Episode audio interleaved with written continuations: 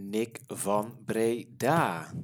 Eens even kijken wat naar boven komt op Google. Nick van Breda. If you can dream it, you can do it. Open Expo, sprintcoach, duurzame jonge 100. Nick veranderde van gameverslaafd en changemaker. Nou, dat geeft meer dan genoeg stof om over te praten. En dit keer op een totaal andere manier. Niet live in person, maar via Zoom. Een nieuwe software om ook op afstand met elkaar te kunnen overleggen. En dus ook te kunnen podcasten. Daar gaat ie. Hallo! Tof dat je luistert naar de Gaaf podcast. Mijn naam is Rudy van Beurden en in deze podcast interview ik collega's, sprekers en trainers op het snijvlak van de volgende drie thema's: public speaking, personal development en poen en purpose. Waarom? Omdat ik erg benieuwd ben naar hun antwoorden op de hoofdvraag van deze podcast: hoe fix je een gaaf leven? Dus, ben je ook benieuwd naar antwoorden op deze vraag? Of ben je op zoek naar meer energie in je leven en meer helderheid in je hoofd? Zet je dan schrap want hier komt een volgende aflevering.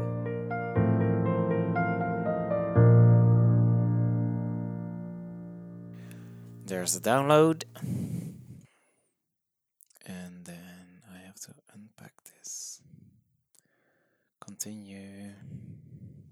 Join the meeting. Okay, let's see whether it works. Hello. There we are. What's up? Hoe gaat het, jongen? Goed, met jou? Ja, ook goed. Is het nu alles aan het opnemen? Nog niet. Als ik play druk nu wel. Nu zijn Oké. we aan het opnemen. Excellent. Goed Dus man. wanneer, wanneer je wil opnemen, dan eh, kan ik hem aan of uitzetten. En eh, krijg je daarna op, eh, op eh, drie verschillende bestanden. Op tekst, dus een transcriptie van eh, ons gesprek krijg je ook. Ja, Een audio en een video. ja.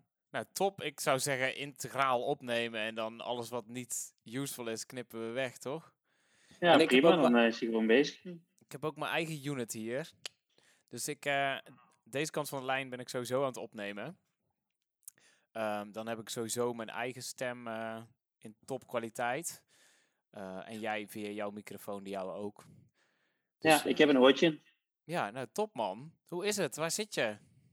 Ik zit thuis in eh, Almere, in, eh, in het centrum, het hartje Almere.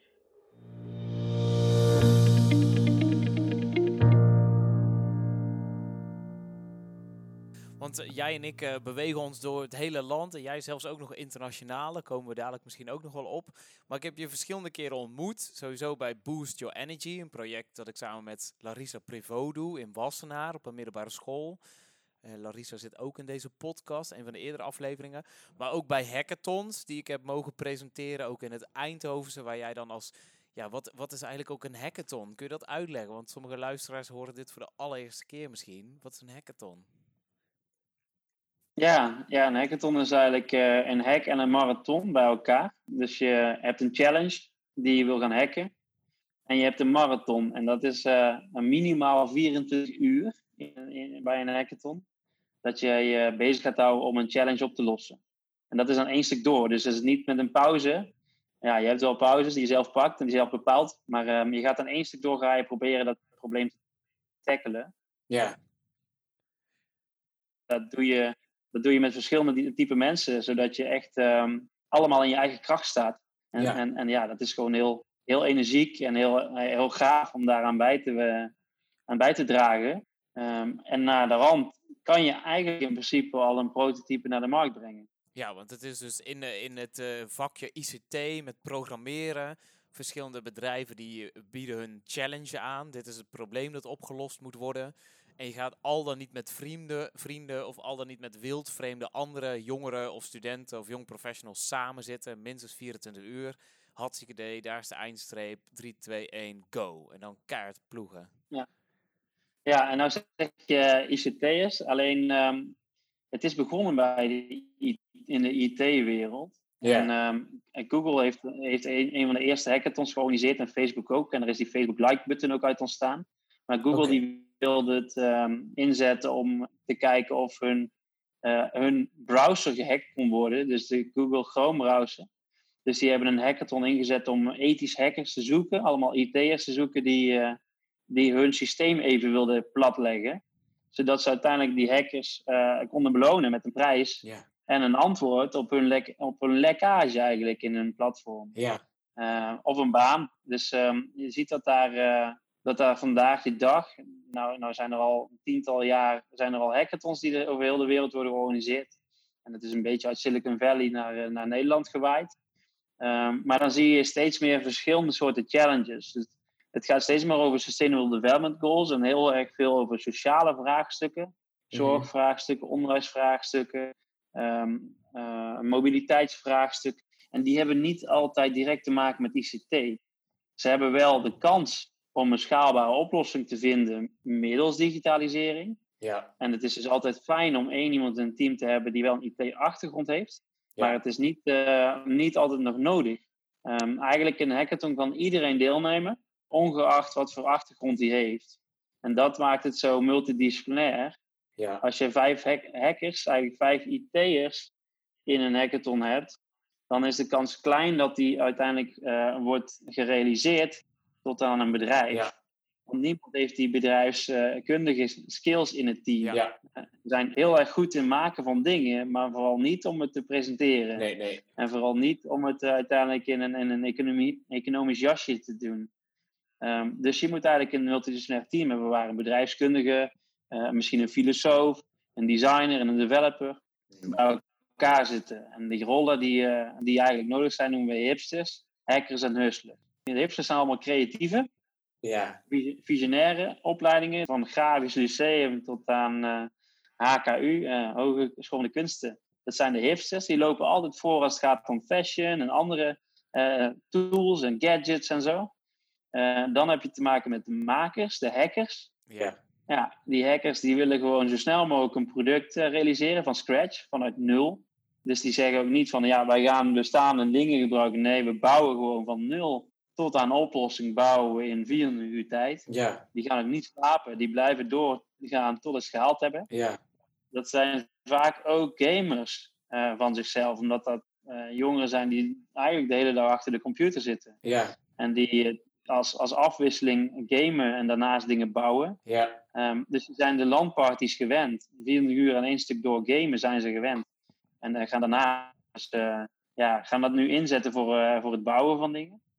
En dan heb je de hustlers. En hustlers kan je ja, eigenlijk gewoon zeggen dat zijn, dat zijn de salespersons, dat zijn de marketeers die een pakje boter nog kunnen verkopen. Die gaan gewoon naar buiten. Als het niet af is, maakt het niet uit. Maar die gaan naar buiten, die hebben het lef om ook te laten zien aan anderen wat er al gemaakt is. En die zeggen dan, ja, oké, wat, wat zou je ervoor willen geven? En lost het jouw pijn op? En, en uh, totdat eigenlijk hun, hun meeste energie krijgen ze uit het doen van een, van een verkoop. Ja. En die breng je in zo'n team bij elkaar. Vet. En die rollen moeten eigenlijk rond zijn om een gezond team te hebben. Want ik heb dat een aantal keer mogen presenteren. De kick-off en de wrap-up. Maar dan ging ik tussendoor lekker naar huis en in mijn bedje slapen. En dan kwam ik de volgende ochtend terug. Maar dan zag ik echt van alles. Sommige teams waren vertrokken omdat ze zoveel ruzie hadden gehad s'nachts. Dat ze gewoon op zijn gaan stappen. Maar ook vrienden voor het leven, schaterlachen, tranen, extreme vermoeidheid. Echt alle menselijke emoties kwamen dan voorbij. Eén groot stinkend hok met zwetende mensen en zoemende computers. En als jij zou moeten kiezen tussen die drie rollen, hipster, hacker of hustler, dan ben je toch wel die hacker, of niet? Ja, ik, ik hou wel van een stuk hacken, maar ik ben als persoon ben ik het beste in een stukje hipster. Want ik Ja? ben eigenlijk altijd degene die de nieuwste technologieën uitprobeert, die altijd voorop wil lopen, die altijd een goed voorbeeld wil laten zien. Ehm, Ja. En dat dan ook probeert naar de hele wereld eh, eigenlijk te, te vertegenwoordigen. Dus Zo- ik heb ook eh, nu? hele sterke eigenschappen als hipster. Ja. Dus nu ook met deze podcast. Laat je auto staan. Zet lekker Zoom aan. Een soort van Skype-programma. Jij kunt in Eindhoven blijven en ik in Almere. En we kunnen letterlijk vanmiddag al samen een podcast opnemen. Super snel ook. Want een van mijn gasten die eh, heeft helaas afgemeld voor deze week. En jij schakelt echt rete snel. Dus top. Maar ik noem de hacker omdat als we jouw naam heel snel even googlen, Nick van Breda, dan vind je ook heel snel een artikel. Nick ging van gameverslaafde naar inspirator, of in ieder geval iemand die andere mensen iets bij wil brengen. Kun je heel kort aangeven wat, wat er gebeurde? Want je bent echt heel zwaar gameverslaafd geweest, toch? Echt uren en uren per dag.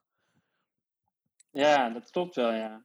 Ja, ik ben eigenlijk degene die inderdaad altijd die landparties meedeed. Mhm. ik, uh, ik was bijna, weekend, bijna elk weekend wel bij een uh, maatje aan het logeren om, uh, om dag en nacht door te gamen. En dan door de week, elk uurtje dat ik kon, probeerde ik thuis achter die computer te, te klimmen om dat spel weer te spelen. En dat, Mhm. ja, dat is van mijn negende tot mijn negentiende geweest. Dat ik daar gemiddeld acht uur in de, in de, in de dag aan heb besteed. Dus Tien ja, jaar ik van je ben. 3,5 jaar, 24, 24 uur per dag. Ja.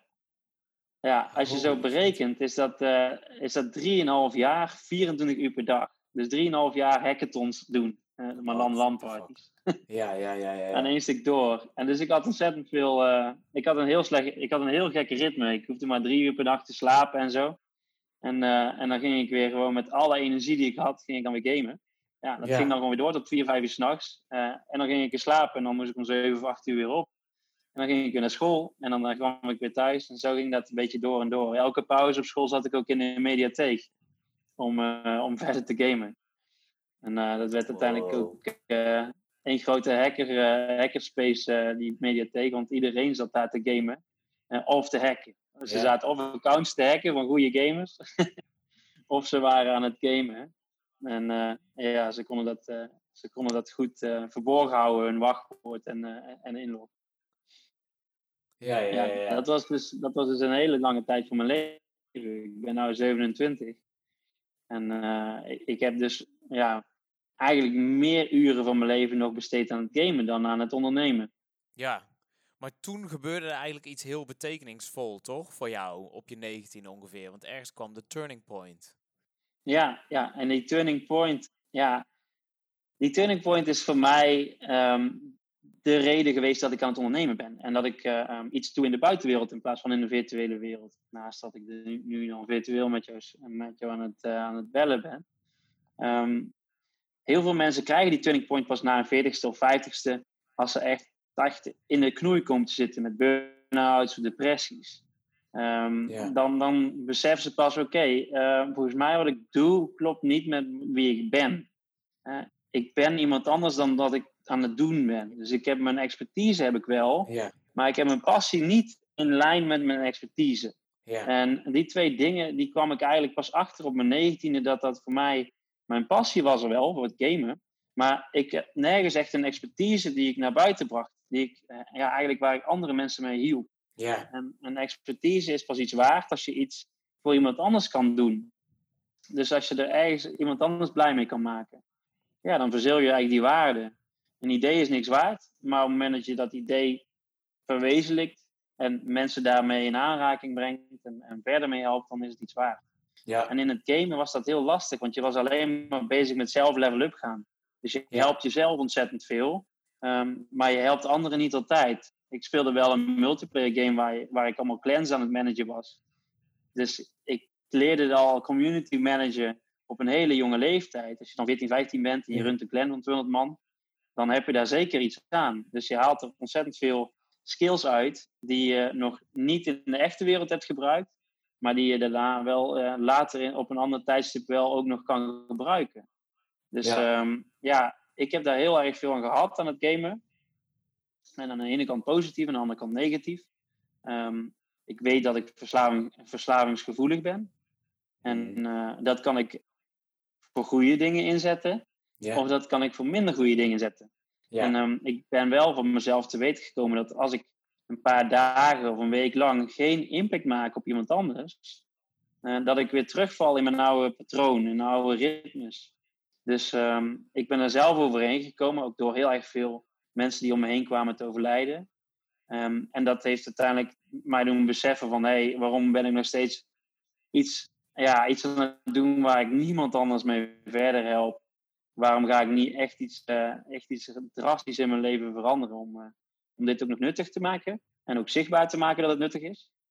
En dat, um, ja, dat is nu um, ja, mijn dagelijkse leven is, als ik geen impact maak, dan voel ik me ook niet zo goed aan het eind van de dag. Ja, ja.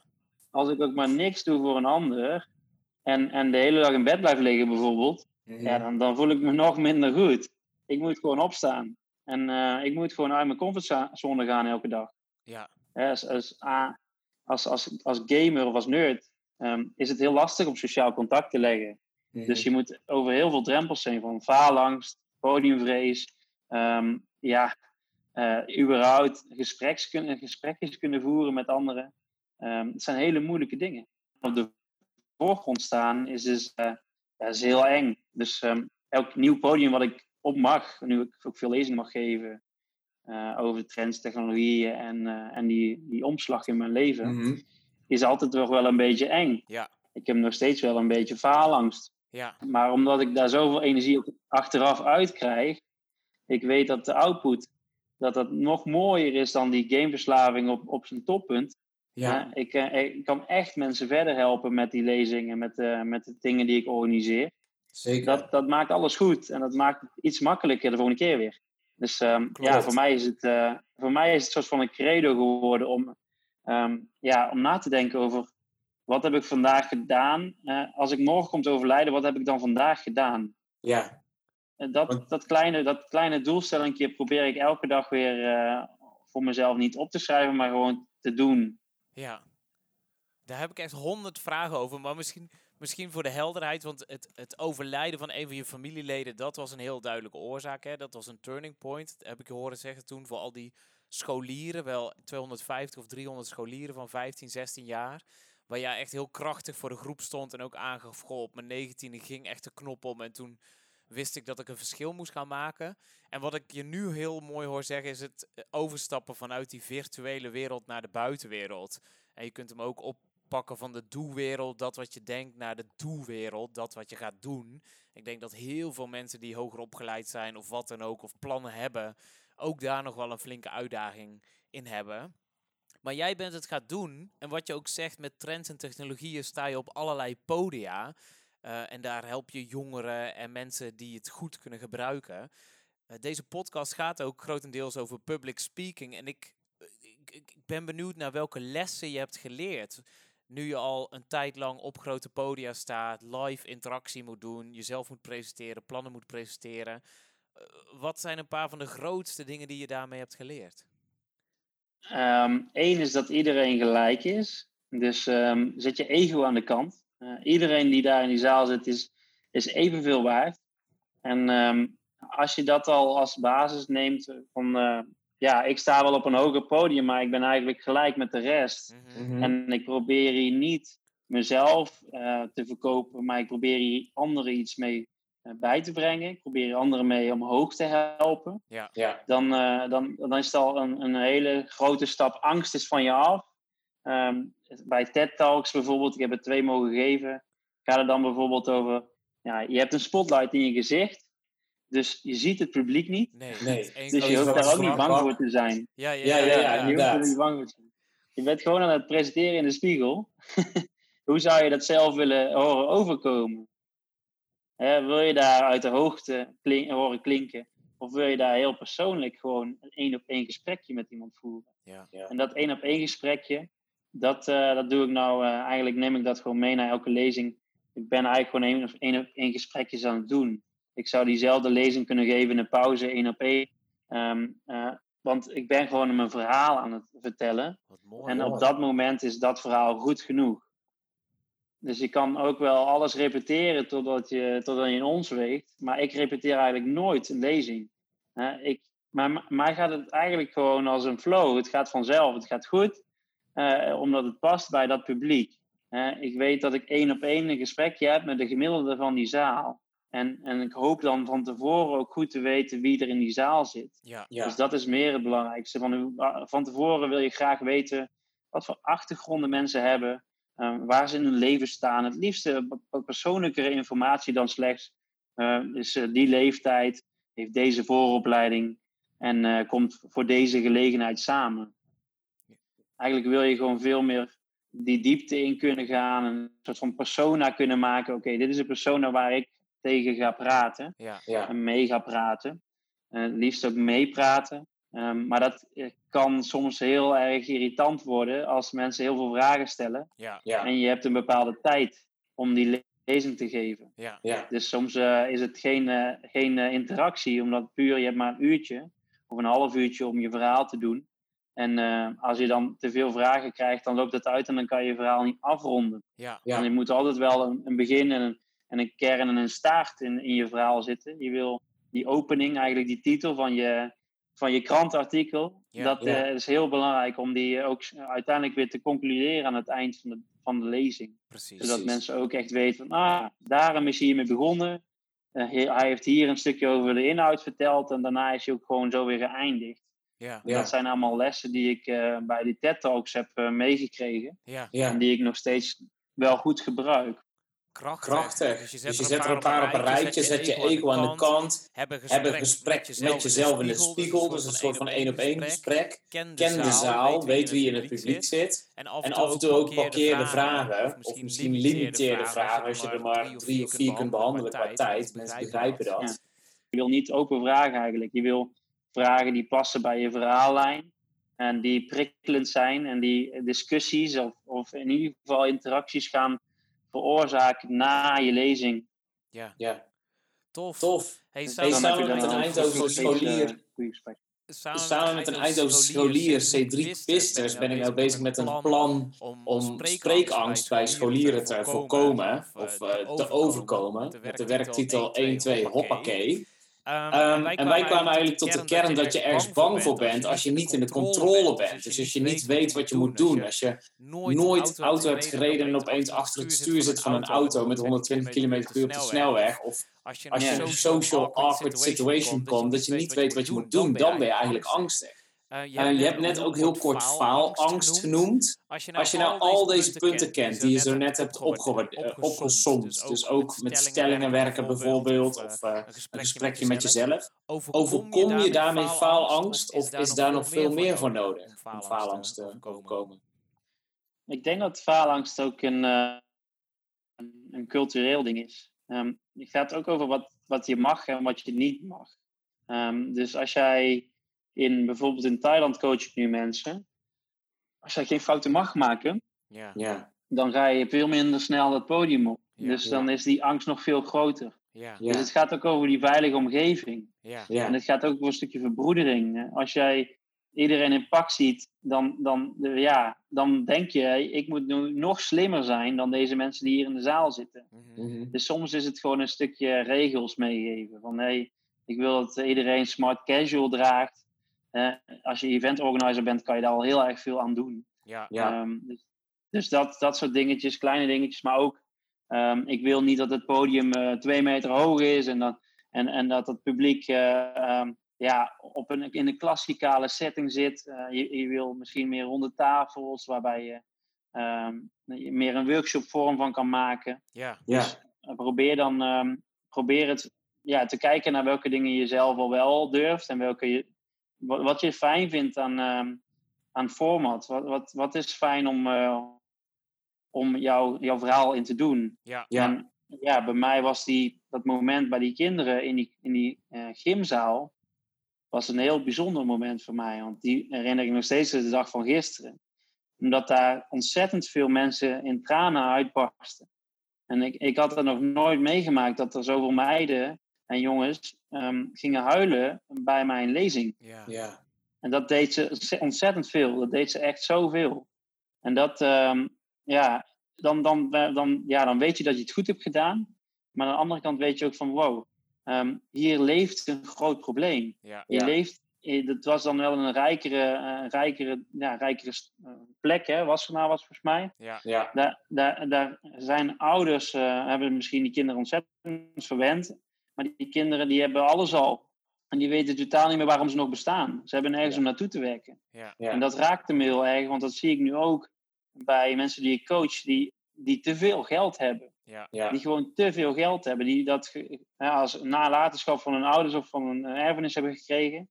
Die ontzettend met zichzelf in de knoei raken, omdat ze niet een korte termijn doelen hebben. Ze hebben alles al. ja, ja, En, en dan zit je in die puberteit en dan weet je totaal niet meer wat je daarmee moet doen. En dan weet je echt niet meer wie je zelf bent. ja, ja, Want je bent eigenlijk al gecreëerd doordat jij ja, een, een lading geld in je achterzak hebt gekregen. En ehm, dat raakte mij heel erg. Dus ik, ik zie dat nu ook als een, als een groep, als een doelgroep waar ik heel veel voor kan doen. Voor mensen die eigenlijk alles al financieel hebben. ik ben 20% van de tijd bezig met geld verdienen en 80% bezig met impact maken. Ja, ja, en die verdeling, ja, als jij 0% van je tijd bezig hoeft te zijn met geld verdienen, mhm. dat is voor mij eigenlijk een utopie. Dat is voor mij een soort van basisinkomen. en iedereen kan dus 100% bezig zijn met impact maken en, en mooie dingen doen. Ja. ja. Dan, is het, dan is er nog steeds een vraagstuk, een identiteitsvraagstuk. Van uh, wat heb je nodig om, om daarmee vanaf je faalangst en vanaf eigenlijk van alle, al die drempels die je hebt, om daarmee in de gang te gaan. Ja, ja, ja, ja. Neemt, jouw, neemt jouw omgeving jou serieus als jij iets gaat doen wat geen geld oplevert, bijvoorbeeld. Of iets gaat doen wat niet past in hun uh, straatje. Ja. Die, die, die sociale druk is ontzettend hard en hoog uh, bij, bij, bij groepen mensen die, ja, die, die, die niet in de middenklasse zitten. Eigenlijk die en er niet mee kunnen gaan. Maar ook mensen die daar uh, financieel flink boven staan die misfits als het ware, die niet in het gemiddelde zijn, ja. Ehm, die, die spreken mij ontzettend aan, omdat ik zelf ook zo eentje was. Ja, ja, Mijn hele familie was technisch, ik paste er niet bij in dat plaatje. En ik was een outlier. Ik was eigenlijk iemand die niemand begreep. Niemand begreep diegene. En, en ik had ook niemand om me heen die mij kon helpen. Ehm, dus dat heb je ook als je superrijk bent. En dan moet je ook zoeken naar vriendjes. Maar zijn het wel echte vrienden? Willen ze niet alleen maar bij zijn omdat je veel geld hebt. Dat maakt het zo lastig voor die groep mensen om, uh, om uit zichzelf, vanuit hunzelf, om daar stappen in te maken. Ja, ja. Hey, je noemt echt ontzettend veel dingen, maar ik moet ook een beetje op de klok kijken. Dus ik zit even af te wegen, want ik heb een heel blad volgeschreven hier. Ik laat het je zien met allemaal aantekeningen. En heel veel dingen hebben we al behandeld. En ik had ook een paar vragen van tevoren. Um, maar vanaf die pijler public speaking, jij geeft ook terecht aan dat het gaat over wat mag en wat niet mag. En ik heb zelf ook geleerd dat als je als spreker heb je heel veel zeggenschap over hoe je de zaalopstelling wilt en om alles al voor te sorteren. Daar kun je heel erg je voordeel mee doen. En ook als het niet aanwezig is, dat je dat gewoon benoemt. Dat je ter plekke eigenlijk nieuwe regels introduceert. Van we gaan nu allemaal even op onze stoel staan en we springen drie keer in de lucht. Het kan allemaal. Als je iedereen zo gek krijgt, ja, dan is iedereen uh, onderdeel van het pakken aan. In plaats van dat je daar de enige gekkie bent, zeg maar. Maar je stroomt ook langzaam naar. Sorry? Ik heb dat geprobeerd met dat krukje van jou. Ja? En? In Thailand. In Thailand gaat het niet lukken. Nee? Nee. Not being seen. Ja, echt bizar. Ik heb het wel geprobeerd, maar echt niemand durfde naar voren te komen om dat krukje te pakken. Te eng. Die ovatie, ja echt. En de volgende dag werd ik geholpen door een andere coach die dan dat krukje pakte. Maar die, dat publiek, nee, nee, Dat, gaat, dat gaat niet lukken, joh. Heel andere cultuur. Maar daar had ik het met mijn vorige gast over. En hij werkt ook heel veel internationaal. En hij zegt, uh, alle mensen willen eigenlijk uh, seen, safe en supported voelen. Ze willen zich gezien, veilig en ondersteund voelen. En als een van die drie niet aanwezig is, ja, dan wordt het een beetje lastig. En in een hele andere cultuur kan dat zo zijn. Maar om een bruggetje te maken met cultuur en denken naar die andere pijlen, want je stipt hem ook al aan, ook in deze podcast zit poen en purpose. Jij zegt ik ben maar 20% van mijn tijd bezig met poen, met geld verdienen. En 80% eigenlijk met impact maken, oftewel purpose, hoe ik hem dan vertaal. Hoe kijkt jouw directe omgeving daarna, dat je het zo aanpakt? Um, ja, bij het begin is het vooral heel lastig om te begrijpen wat je nou aan het doen bent. Ja. mensen willen heel graag jou in een hokje stoppen ja. in een functieprofiel. Hè? Ja. Jij, bent, uh, jij bent gewoon medewerker van een bedrijf en, en je doet die functie. En dan als je dan een jaar later vraagt hoe gaat het, dan weet je, oh, diegene is medewerker van een bedrijf en die heeft die functie. Er zal wel niet zoveel veranderd zijn. Dus dat is heel makkelijk uh, onthouden. Uh, maar als je elke, elke dag eigenlijk iets anders doet en elke paar maanden een nieuw project aanpakt, en dan, dan snappen mensen niet echt meer wie ze, met wie ze in gesprek gaan. Verwarrend. En dat, um, dat is wel lastig, het begin vooral. Um, maar als je dan eenmaal ja, je supportgroep mensen om je heen hebt verzameld die ook zo leven als ondernemer, um, ja, dan, dan social media, eigenlijk Facebook gaat je dan al, al helpen met hun algoritme.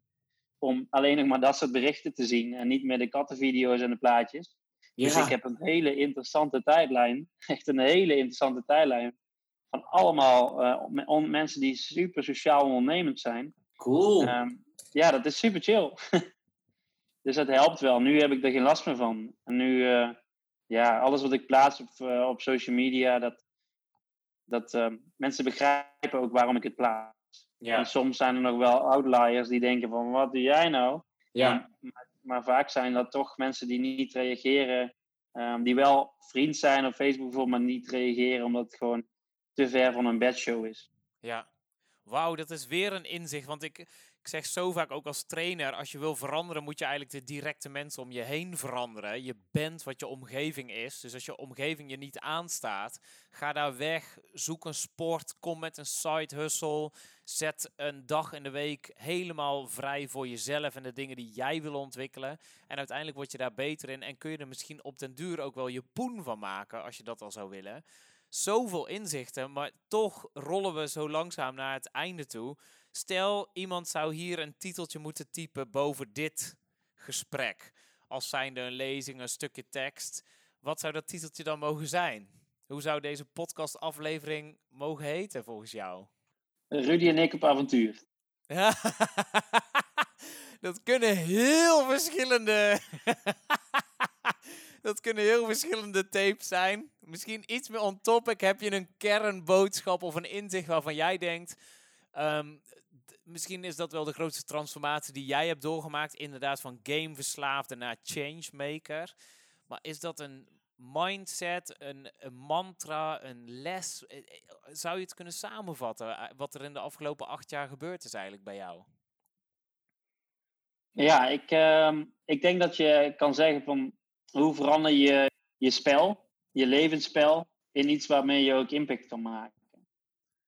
Want iedereen is een gamer. Iedereen heeft andere sterktes en andere zwaktes. Ja. Um, maar als je dat weet van jezelf, waar, jij, waar je op in kan zetten, omdat je daar goed in bent, dan word je ook een specialist vanzelf.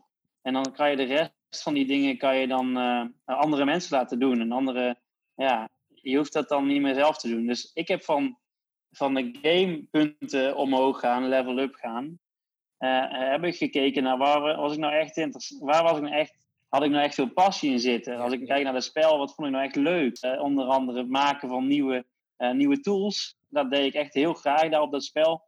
En het was het begeleiden en het coachen van anderen in de clan. Nou, ik heb dat nu in mijn echte wereld ook. Ik ben alleen maar mensen en, en, en een groep aan het begeleiden. Ik ben altijd bezig met het ontwikkelen en experimenteren met nieuwe technologie. Om daar weer nieuwe coole functies aan te hangen die mensen kunnen helpen uiteindelijk. Uh, en daarop dus proberen ook op problemen te matchen met technologie. En dat, uh, dat stukje waarin je gewoon eigenlijk uh, je levels upgaat door uiteindelijk te gaan meten wat je in de echte wereld allemaal aan het bereiken bent. Tof. Dus uh, ja, je level ups gaan door mensen te helpen. Dus één persoon staat voor één level up, één persoon helpen staat voor één level up gaan. En dan kan je daarin je expert worden. Hè? Ja. Dan heb je toch je eigen spelregel gemaakt hoe jij expertise ex uh, definieert. Want nieuwe banen die bestaan nog niet.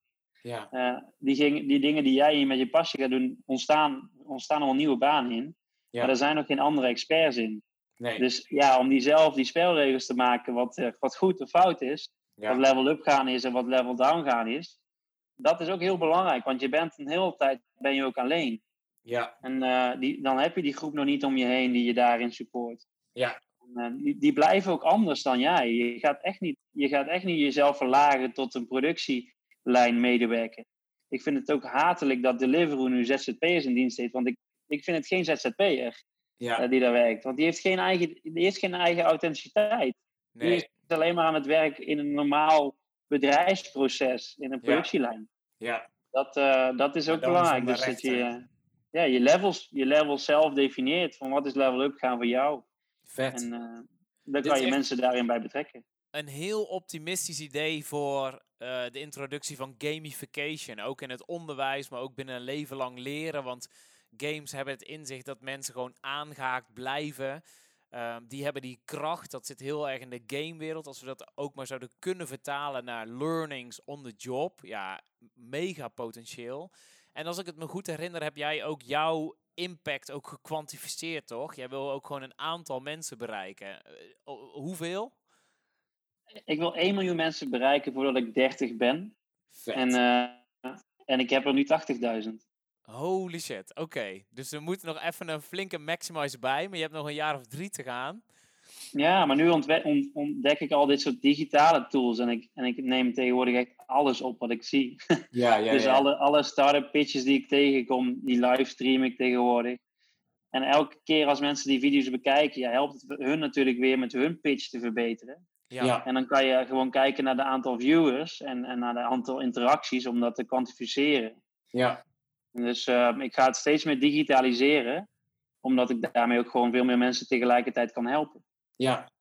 Ja, wat ik echt heel mooi vind, Nick, aan dit gesprek is dat je echt een, een nieuwerwetse trainer bent. Weg van al die klassikale offline groepjes hier en daar. Maar je zet gewoon de multiplier van het internet in, online tools ook. Ik denk dat dat ook een hele goede is voor je efficiëntie natuurlijk. Als je dan één keer iets hebt gedaan, dan kunnen meerdere keren mensen ervan profiteren. Zoals nu ook met deze podcast. Op dit moment zijn duizenden mensen, duizenden mensen deze podcast aan het luisteren. Hartstikke goed. Jij ook. Top. Fijn. Nick en ik vinden dat fijn. En ook uh, ja, die gamification met experimental design, waar ik het ook met Niels Roemen over had. Zo vet wat daarin zit en wat ons dat nog kan brengen. Gewoon een heel optimistische boodschap is dat. Echt vet.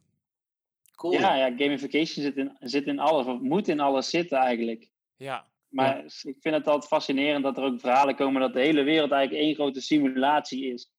En dan, dan kom je developers tegen die zeggen: Ja, ja, dat, dat is ook, want ik heb de wereld een keer nagemaakt, een virtuele wereld van de echte wereld. En ik kan gewoon de miertjes volgen en dan zie ik eigenlijk hoe de mensen werken en hoe dat in de toekomst gaat veranderen. en dan denk ik: Wow, dit is echt heel gaaf. Shit, dat is nou, ja, dan, Echt fascinerend hoe, hoe mensen daarmee bezig zijn in die maakwereld. Hoe ze nu al onsterfelijkheid aan het uitvinden zijn en dat soort dingen.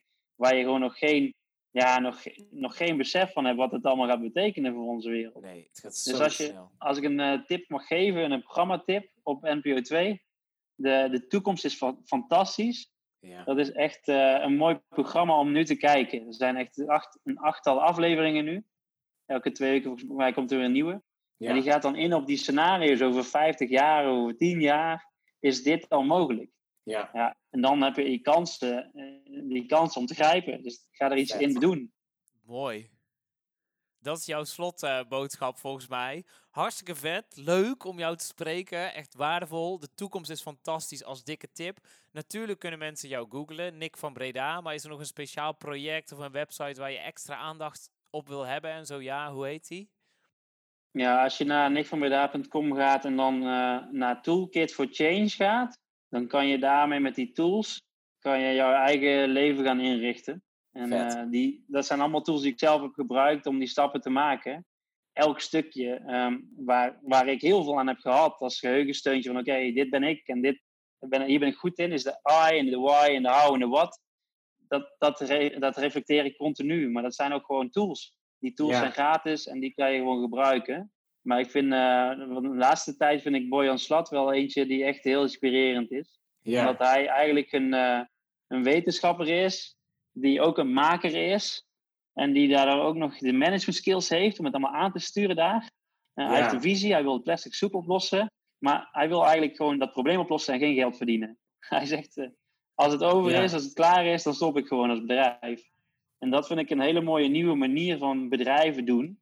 Um, je hoeft niet te concurreren. Je moet gewoon iets nieuws bedenken waar een probleem is, wat jij gaat tackelen. En als het probleem opgelost is, ja, dan uh, mag je weer opgegeven worden. Dan ga je weer iets nieuws doen.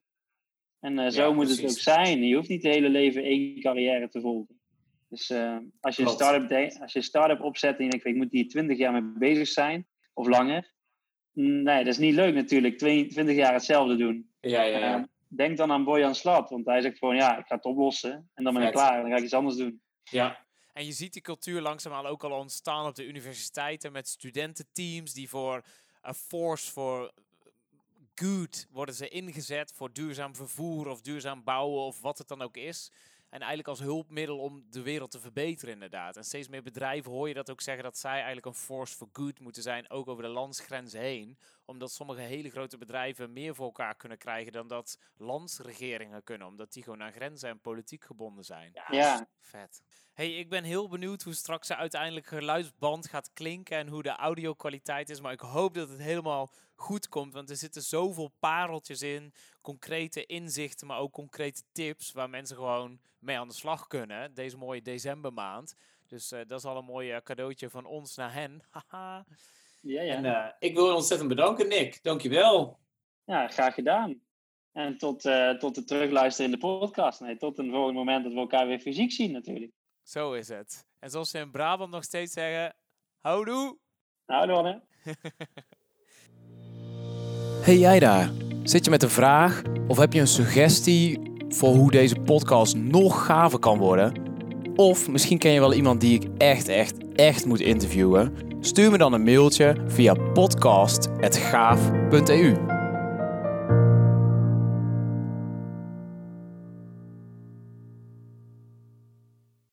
Ja. En, expertise is pas iets waard als je iets voor iemand anders kan doen. Dus als je er ergens iemand anders blij mee kan maken.